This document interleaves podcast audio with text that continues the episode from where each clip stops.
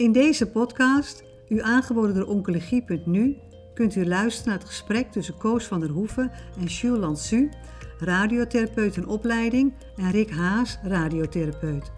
Besproken worden de resultaten en impact van een internationale studie die aantoont dat het mogelijk is patiënten met een myxoïd liposarcoom minder radiotherapie te geven. Hun onderzoek liet zien dat het aantal bestralingen veilig kon worden teruggebracht van 25 naar 18.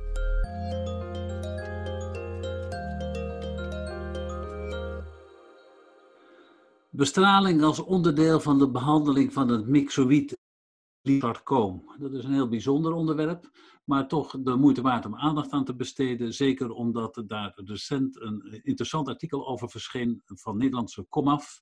En dat was een artikel in uh, JAMA Oncology. En dat werd uh, onder andere mogelijk gemaakt door Jules Lanzu. Hij is radiotherapeut in opleiding in het Antonie van Leeuwenhoekhuis en doet ook een promotieonderzoek op dit onderwerp. En professor Rick Haas, hij is een radiotherapeut in het NKI, maar als buitengewoon hoogleraar ook verbonden aan het LUMC. Welkom allebei. Dank u. Jules, Dank. misschien mag ik met jou beginnen. Al in je opleiding een artikel in de JAMA Oncology, dat is heel mooi. Wat was de conclusie in één of twee zinnen van het onderzoek? Nou, we hebben in het onderzoek uh, onderzocht of het uh, veilig is om de dosis bij één specifiek type uh, sarcoom te verlagen. Um, en daar kwam uit dat dit inderdaad oncologisch uh, veilig is en dat dit gepaard gaat met minder bijwerkingen dan we gewend zijn. Eigenlijk een halveer, grofweg een halvering van uh, de gebruikelijke bijwerkingen. Uh, sarcomen. Sommige mensen zeggen dat zijn er wel 150. Maar hoe kunnen we er nou achter komen of iemand een myxoïd liposarcoom heeft of dat het een ander sarcoom is? Jules. Uh, myxoïd liposarcomen zijn over het algemeen grote tumoren, die meestal voorkomen in de bovenbenen of in de dijregio. Ze kunnen ook op andere plekken voorkomen. En ze zijn initieel ontstaan in een, uh, vetcel. En waar, uh, waarin dit type sarcoom zich onderscheidt van andere sarcomen, is dat ze um, niet de neiging hebben om alleen te metastaseren naar de longen, maar ook naar andere plekken, naar het retroperitoneum, naar de botten of andere vettige plaatsen in het lichaam. Dus dat is eigenlijk een belangrijk onderscheid. En het wordt ook vaak gezien bij relatief jonge patiënten um, van rond de 40 jaar. Nou is het zo dat zo'n patiënt die komt dan met een zwelling op het been. En uh, dat voelt er dan misschien wel aan als een grote vetbult. Uh, zijn, wat heeft het uitwendige karakteristieken? Um, ja, van buitenaf bij het lichamelijk onderzoek uh, is het lastig om uh, het onderscheid te maken met andere sarcomen. Dus daarvoor ga je aanvullende onderzoeken doen. In eerste instantie beeldvorming, uh, MRI-scan. Daarmee kun je ja, meer informatie verkrijgen. Onder andere of er sprake is van, van, van vervetting. En in een later stadium wil je ook uh, pathologie uh, verkrijgen natuurlijk. En daarmee kun je uiteindelijk tot de definitieve conclusie komen. Omdat je dan ook aanvullende pathologietests in kan zetten.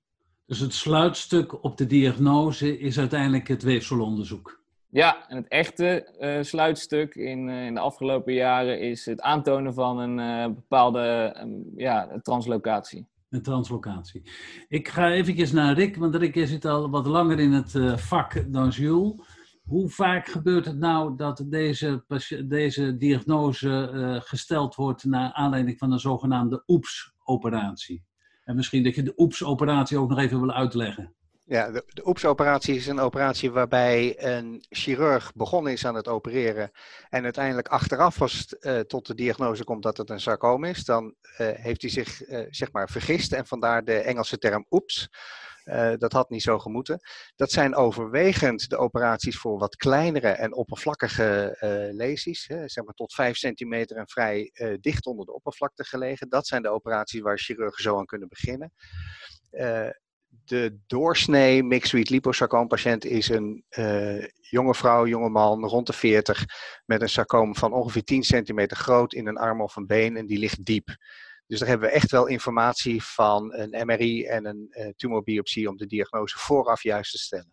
Dus daar gebeurt het eigenlijk in de praktijk niet zo vaak dat er uh, per ongeluk een operatie gedaan wordt en dit eruit komt. Precies, gelukkig heel zelden.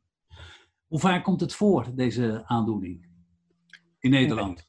In Nederland zien we het ongeveer 30 tot 40 keer per jaar. En dan heb je het dus over nieuwe diagnose per jaar. Oké. Goed, dat zijn maar heel weinig patiënten. Uh, als zo'n diagnose gesteld is, uh, de diagnose is rond, er zijn geen metastasen op afstand gevonden, wat dient dan de behandeling te zijn? Wat is dan de oorspronkelijke behandeling voordat jullie je publicatie deden? Nou, de oorspronkelijke eh, behandeling bestaat eigenlijk uit twee belangrijke uh, onderdelen. In eerste instantie uh, preoperatieve bestraling.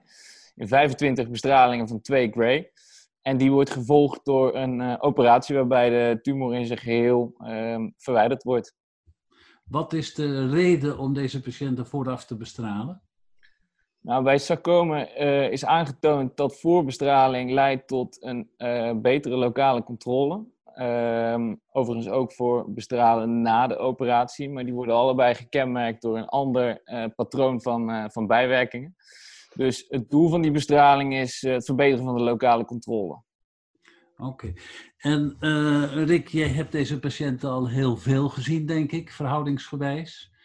Um, dat leidde tot een betere lokale controle. Maar wat waren de, de, de nadelen van deze behandeling? Nou, als je de, de, serie van 25 bestralingen afmaakt, dan weten we uit uh, eigen ervaring, maar uit ook een groot Amerikaans uh, en Canadees onderzoek, dat de kans op een uh, vertraagde wondgenezing na voorbestraling wel omhoog gaat. Dus als je de operatie eerst doet, als de patiënt eerst in de handen van de chirurg blijft en je doet de operatie eerst, dan is er een kans van ongeveer 17% dat er een wondcomplicatie optreedt. Als de patiënt eerst voor preoperatieve radiotherapie wordt aangeboden en daarna geopereerd, dan is die wondcomplicatiekans ongeveer 35 procent. 1 op de 3. Ja, en leidt dat ook, want die, die, die uh, wondgenezing is een probleem, maar dat gaat weer over. Leidt dat ook op lange termijn tot probleem? Nou, als je naar de eerste drie, vier maanden volgend op de operatie kijkt, dan zijn de patiënten die geen bestraling hebben gehad eigenlijk in die periode wat beter af. Maar vanaf dat moment is elke patiënt die de voorbestraling gehad heeft en inmiddels een gewone goede wondgenezing, het is allemaal weer dicht, je kunt weer aan het werk, je kunt weer aan je sport, je pakt je levensdraad weer op. Vanaf dat moment zijn alle patiënten beter af door de voorbestraling in vergelijking met de nabestraling. Ja, want wat zijn de, de, de late complicaties van deze behandeling? Ja, nogal divers en, en ernstig. Als je uh, een postoperatieve radiotherapie geeft, dan, uh, dan breng je daarmee de patiënt op, op risico voor fibrosering, voor uh, uideem, voor verstijving van gewrichten die in de buurt van het bestralingsgebied hebben gelegen. En dat zijn risico's die bij een voorbestraling heel veel minder zijn.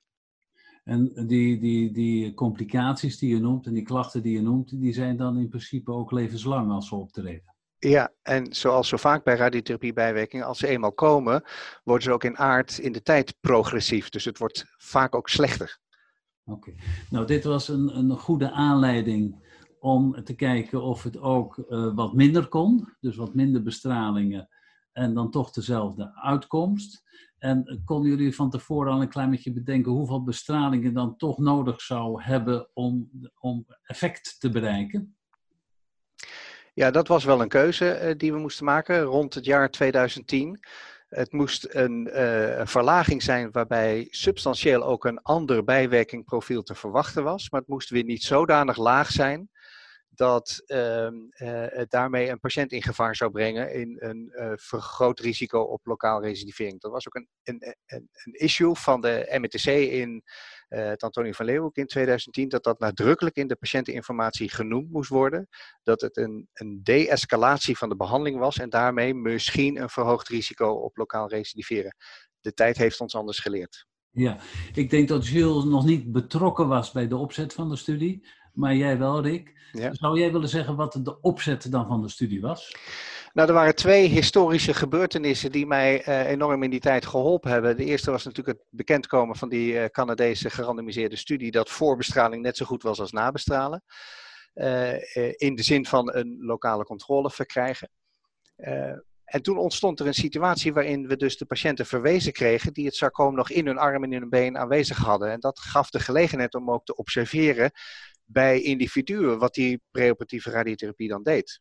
Tweede fenomeen was chirurgische wachttijden. Dus het kwam de chirurg in die tijd ook wel goed uit dat ze eerst de patiënt een tijd konden parkeren bij de radiotherapeut en geleidelijk aan hun operaties plannen. En toen zagen we dus dat die als, als uitzondering, die mixed liposarcoma, gedurende die voorbestraling van 25 keer wel substantieel aan het volume verkleinen waren. Ja, ja. Hoe was de studieopzet uiteindelijk? Want er werden twee, twee doses met elkaar vergeleken. Nee, het was een, uh, een zoals dat heet, een Bayesian uh, fase 2. Bayesian wil zeggen dat je uh, per individu kijkt wat de bijdrage aan de database is. Dus je, je, gaat geleidelijk aan gedurende het vullen van de studie, die in fase 2 was. Iedereen kreeg 36 grey als die daar zijn handtekening voor zette. En ga je geleidelijk aan kijken of je niet te veel lokale recidieven of te veel wondcomplicaties krijgt, zodat je bij tijds ook weer de studie had kunnen stoppen als de uh, gegevens de aanleiding toe gaven. En gelukkig is dat niet gebeurd. We konden het gewoon afmaken. Jullie gingen deze studie doen en je wist dat je daar een aantal patiënten voor nodig had. Je hebt al gezegd, in Nederland is het tussen de 30 en de 50 nieuwe patiënten per jaar. Dat kan je nooit in Nederland doen. Hoe, hoe was jullie uh, vooruitzicht op het afronden van deze studie? Nou, ik heb dit in de grote uh, sarcoma-meetings jaarlijks uh, genoemd, dat we dit van plan waren. En vooral de Amerikanen hadden daar een hele duidelijke mening over. Begin jij in Nederland dat nou eerst maar eens zelf te doen? Want die, hier geloven we niks van. En ik hoor ze nog citeren, you'll get sued. Dit, dit gaat jou rechtszaken kosten om dit soort behandelingen te gaan uitvoeren met een de-escalatie. Daar waren ze helemaal niet voor, aanvankelijk. Ja, Jules Getsoet, maar dat is een mooie overgang naar Jules. Jules, jij hebt de resultaten van het uh, onderzoek geanalyseerd. En vertel eens hoeveel patiënten er uiteindelijk in de studie gekomen zijn en wat de uitkomst was. Ja, we hebben in totaal 79 patiënten in de studie geïncludeerd. Uh, bij twee patiënten van die 79 uh, zijn afstandsmetastasen ontstaan in de, in de wachttijd tot de chirurgie. Dus die hebben uiteindelijk geen operatie meer gekregen. En van de 77 patiënten die um, en voorbestraald zijn en geopereerd zijn, um, ja, hebben we na 25 maanden mediane follow-up geen enkel lokaal recidief uh, geobserveerd. Dus dat uh, is goed. En nog even terug naar het verleden. Die loco-regionale recidieven, worden die eigenlijk altijd de eerste twee jaar gezien? Of vind je ook nog wel eens een loco-regionaal recidief na vijf of na tien jaar? Nou, doorgaans uh, vinden de, het, gros van de uh, lokale recidieven plaats binnen vijf jaar. En er zijn studies gedaan waar uh, gekeken is naar wat de mediane tijd tot zo'n lokaal recidief is. Dat zit op 21 maanden in de grootste serie. Dus dat betekent dat de helft van de lokale recidieven voor 21 maanden komt en de andere helft na 21 maanden. Wij zitten nu op een mediane follow-up van 25 maanden. Dus je zou verwachten dat je al uh, ja, minstens de helft van je lokale recidieven gehad hebt. En wij hebben er nog geen gezien. Dus daaruit concluderen we dat het uh, vooralsnog veilig lijkt. Ja. En eh, hoe zit het met de, de, de bijwerkingen voor de patiënt? Je hebt dat ook in deze patiëntenpopulatie gezien. Hoe, daar hebben jullie natuurlijk ook goed naar gekeken. Hoe zat het met die bijwerkingen? Ja, het is een heel gunstig bijwerkingenpatroon. Um, ja, we hebben geen gerandomiseerde studie, dus niet direct een controlegroep, maar je gaat dan eigenlijk naar uh, historische uh, controlegroepen kijken. Um, en dat is die grote Amerikaanse en Canadese studie uh, uit het verleden. En dan kijk je daar eigenlijk naar de, de, de studiearm die toen preoperatief bestraald is met 25 bestralingen. Daar zagen ze 35% wondcomplicaties. En in onze studie is dat percentage maar 17%. Dus dat is uh, gehalveerd. Ja. Uh, en ook als je kijkt naar andere uh, toxiciteit, dus die fibrosering, uh, het uiteem en dergelijke, dat halveert ook ongeveer vergeleken met die, die resultaten van die eerdere studie. Dat zijn wel twee aparte studiegroepen, dus het is altijd lastig om dat één op één te vergelijken. Maar met het ontbreken van een controlegroep in onze eigen studie is dat eigenlijk het beste vergelijkingsmateriaal dat we hebben. Jullie doen de follow-up natuurlijk ook nog de komende jaren, maar je hebt al gezegd je zit op 25 maanden. Uh, ik heb het idee dat jullie overtuigd zijn dat dit veilig is en goed en beter voor de patiënten. Uh, kan je de, de verdere uh, sarcoomgemeenschap buiten Nederland ook overtuigen met deze gegevens? Um, nou, dat, dat gaan we zien. We gaan ons uh, uh, artikel, uh, het artikel is net uitgekomen en we hebben over een aantal weken of twee weken een ehm, congres, internationaal congres staan waar de resultaten um, gepresenteerd zullen gaan worden. Daar zullen ze ook bediscussieerd worden door de internationale sarcoomgemeenschap. En daar zal dat al wel gaan blijken. Maar uiteraard hebben we uh, al wel contacten over de wereld. Uh, en ja, de, de, eerste reacties zijn, uh, zijn positief. Dus, uh... Rick, je hebt natuurlijk wel nog wat meer contacten gehad ook met je vakbroeders, ook tussendoor. Hoe, hoe kijken ze hier nou tegenover? Want ze waren in het begin erg sceptisch. Ja, uh, geleidelijk aan zijn meer centra gaan deelnemen. We zijn dus in 2010 in Nederland begonnen uh, met het Radboud en Leiden en Groningen en Maastricht. Uh, geleidelijk aan zijn de Scandinavische landen gaan meedoen en uiteindelijk ook Harvard in, in Boston, Amerika. En met de resultaten die we hiermee gaan, gaan brengen, dat wordt een, een practice changing. Daarmee gaan we het beleid praktisch aanpassen. Uh, we gaan uh, de richtlijnen herschrijven en we gaan verder om deze data nog, uh, nog meer power te geven met een internationale registry. Dus nu wordt het niet meer een studie van vindt u het goed dat we uw dosis verlagen, maar nu wordt het een vraag aan de patiënt vindt u goed dat we uw gegevens gebruiken, geanonimiseerd in een vervolgonderzoek om zoveel mogelijk data hierover te blijven verzamelen. En dat wil je doen in meerdere landen? Ja, dat gaat wereldwijd gebeuren. Oké. Um, ik wilde dit even afronden, maar ik heb nog een aantal aanvullende vragen. De chemotherapie, speelt dat nog een rol bij deze aandoening? Um, in Nederland niet. Uh, of niet uh, zolang het niet gemetastaseerd is. Uh, andere landen denken ze daar soms anders over. Dus daar is wereldwijd niet echt een duidelijke consensus over. Het gaat om relatief kleine winsten die daarmee te behalen zijn aan de ene kant van de Atlantische Oceaan denken ze uh, dat dat wel voldoende is om het uh, te geven. En aan de andere kant, en in sommige andere landen van Europa weer niet. Dus uh, ja, dat is verschillend.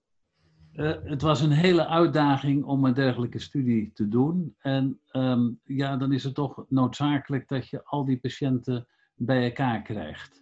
Denken jullie dat, en dat is misschien meer een vraag aan Rick, dat het op dit moment goed geregeld is? Dat alle patiënten ook geconcentreerd bij elkaar komen met dit soort uitzonderlijke aandoeningen?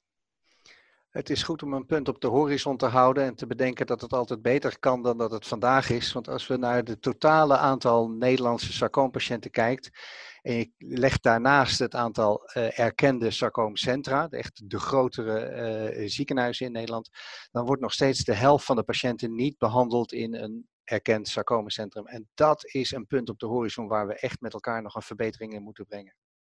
Ik kom nogal in wat ziekenhuizen en je ziet dat, dat sommige ziekenhuizen toch zeggen wij willen ook een, een meer een rol gaan spelen in het sarcomenveld. Dus aan de ene kant zie je de concentratie als je het hebt over myxoïd liposarcoom, dan zeg je ja, dat is ook volkomen logisch. Aan de andere kant zie je een tegenovergestelde uh, richting. Heb je daar nog commentaar op? Ja, ik denk dat we elkaar daar best wel goed in kunnen vinden. Want als je naar de, de hele wereld van wekendelen tumoren gaat kijken, dan heb je op alle patiënten die een goedaardige wekendelen tumor hebben, heb je maar één patiënt die een sarcoom heeft. Dus die ratio ligt dusdanig breed dat een heleboel lipomen en andersoortige goedaardige aandoeningen gerust in allerlei Nederlandse ziekenhuizen met expertise goed behandeld kunnen worden. En aan de andere kant willen we die patiënten ook weer niet naar de grote centra halen, want daar, daar hebben we ook de mogelijkheden niet voor. Dus het wordt een samenwerking, elkaar erkennen op, uh, op expertise om uh, een referentiecentrum te laten samenwerken met een aantal perifere uh, preferred partners. Want het belangrijkste lijkt uh, te zijn de initieel goede diagnose. Ja. Dus als die er eenmaal is, ja, dus, dan zijn er misschien opties om meer te verdelen. Ja, zorgelijk, want er is een groot Frans onderzoek gedaan waarbij de verwijspathologie met centrale pathologie is vergeleken. Dan had maar um, ongeveer 1 op de 3 had een juiste diagnose. Uh, uh, bij 1 op de 2 was de diagnose wel een sarcoma van een heel ander type. En bij 12% was de diagnose niet eens sarcoom en niet eens maligne. 1 op de 12 die een volstrekt verkeerde behandeling krijgt op basis van de niet juist gestelde diagnose. Zijn er ook cijfers over in Nederland?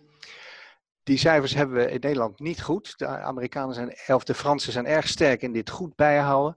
Ehm, eh, maar mijn veronderstelling is, is een aanname, mijn veronderstelling is dat het in Nederland niet heel veel anders is. Maar meten is weten, daar zou je dan ook onderzoek verder naar moeten doen. Nederland speelt een, een, een, belangrijke rol als het gaat om een nieuwe ontwikkeling uh, bij de behandeling van sarcoma. Hoe, hoe komt dat? Ja, ik denk dat een aantal uh, academisch onderling uh, afspraken hebben gemaakt waar ze erg goed in willen zijn. En dat noemen we dan de topreferente functies. Het, vooral het LUMC heeft daar heel veel aandacht aan, aan besteed om op die manier de erkenning te krijgen. Er zitten een aantal grote mensen ook in de, in de diagnostische hoek, de pathologie, de beeldvorming, heel sterk vertegenwoordigd in het LUMC. En ik prijs me ook gelukkig dat ik daar sinds januari 2017 een aanstelling heb en een benoeming sinds dit jaar. Jules, jij gaat promoveren op dit onderwerp. Toen je radiotherapeut wilde worden, dacht je toen al dat je uh, je op het gebied van de sarcoma zou gaan begeven? Um, nou, dit, dit, dit wist ik uh, een jaar voordat ik uh, hierop solliciteerde nog niet, nee. Uh, maar ik ben echt heel blij dat ik hierin ben gerold. ik ben er eigenlijk ingezogen en het is een van mijn passies geworden. Oké. Nou, het is een enorm compliment dat het gelukt is om voor het myxoïd liposarcoom een dergelijke publicatie te maken of een dergelijk onderzoek af te ronden. Zijn er initiatieven om bij zo'n weinig voorkomende ziekte iets dergelijks te gaan doen? Dan kijk ik vooral naar Rick. Ja, de, de registry, zoals we hem noemen, de, de, database voor de mixed liposarcoom willen we hierin voortzetten. Maar deze um, uitzonderlijke stralgevoeligheid zoals we dat van deze ziekte kennen, die zien we voorlopig bij andere uh, entiteiten niet zo goed terugkomen. Er is nog eentje die komt er een beetje in de buurt. Dat is het extraskeletale mixed chondrosarcoom. Of is een verkeerde naam, maar zo heet die wel. Die is ook zo goed gevoelig voor radiotherapie. Maar die is nog heel veel zeldzamer. Dus het doen van wetenschap in deze richting is lastig. Oké. Nou, ik wil jullie allebei heel hartelijk danken voor deze toelichting. En uh, nogmaals gefeliciteerd met de publicatie. Dank jullie wel. Bedankt. U, u ook bedankt. Bent u geïnteresseerd in meer podcasts? Deze zijn te vinden op de website oncologie.nu.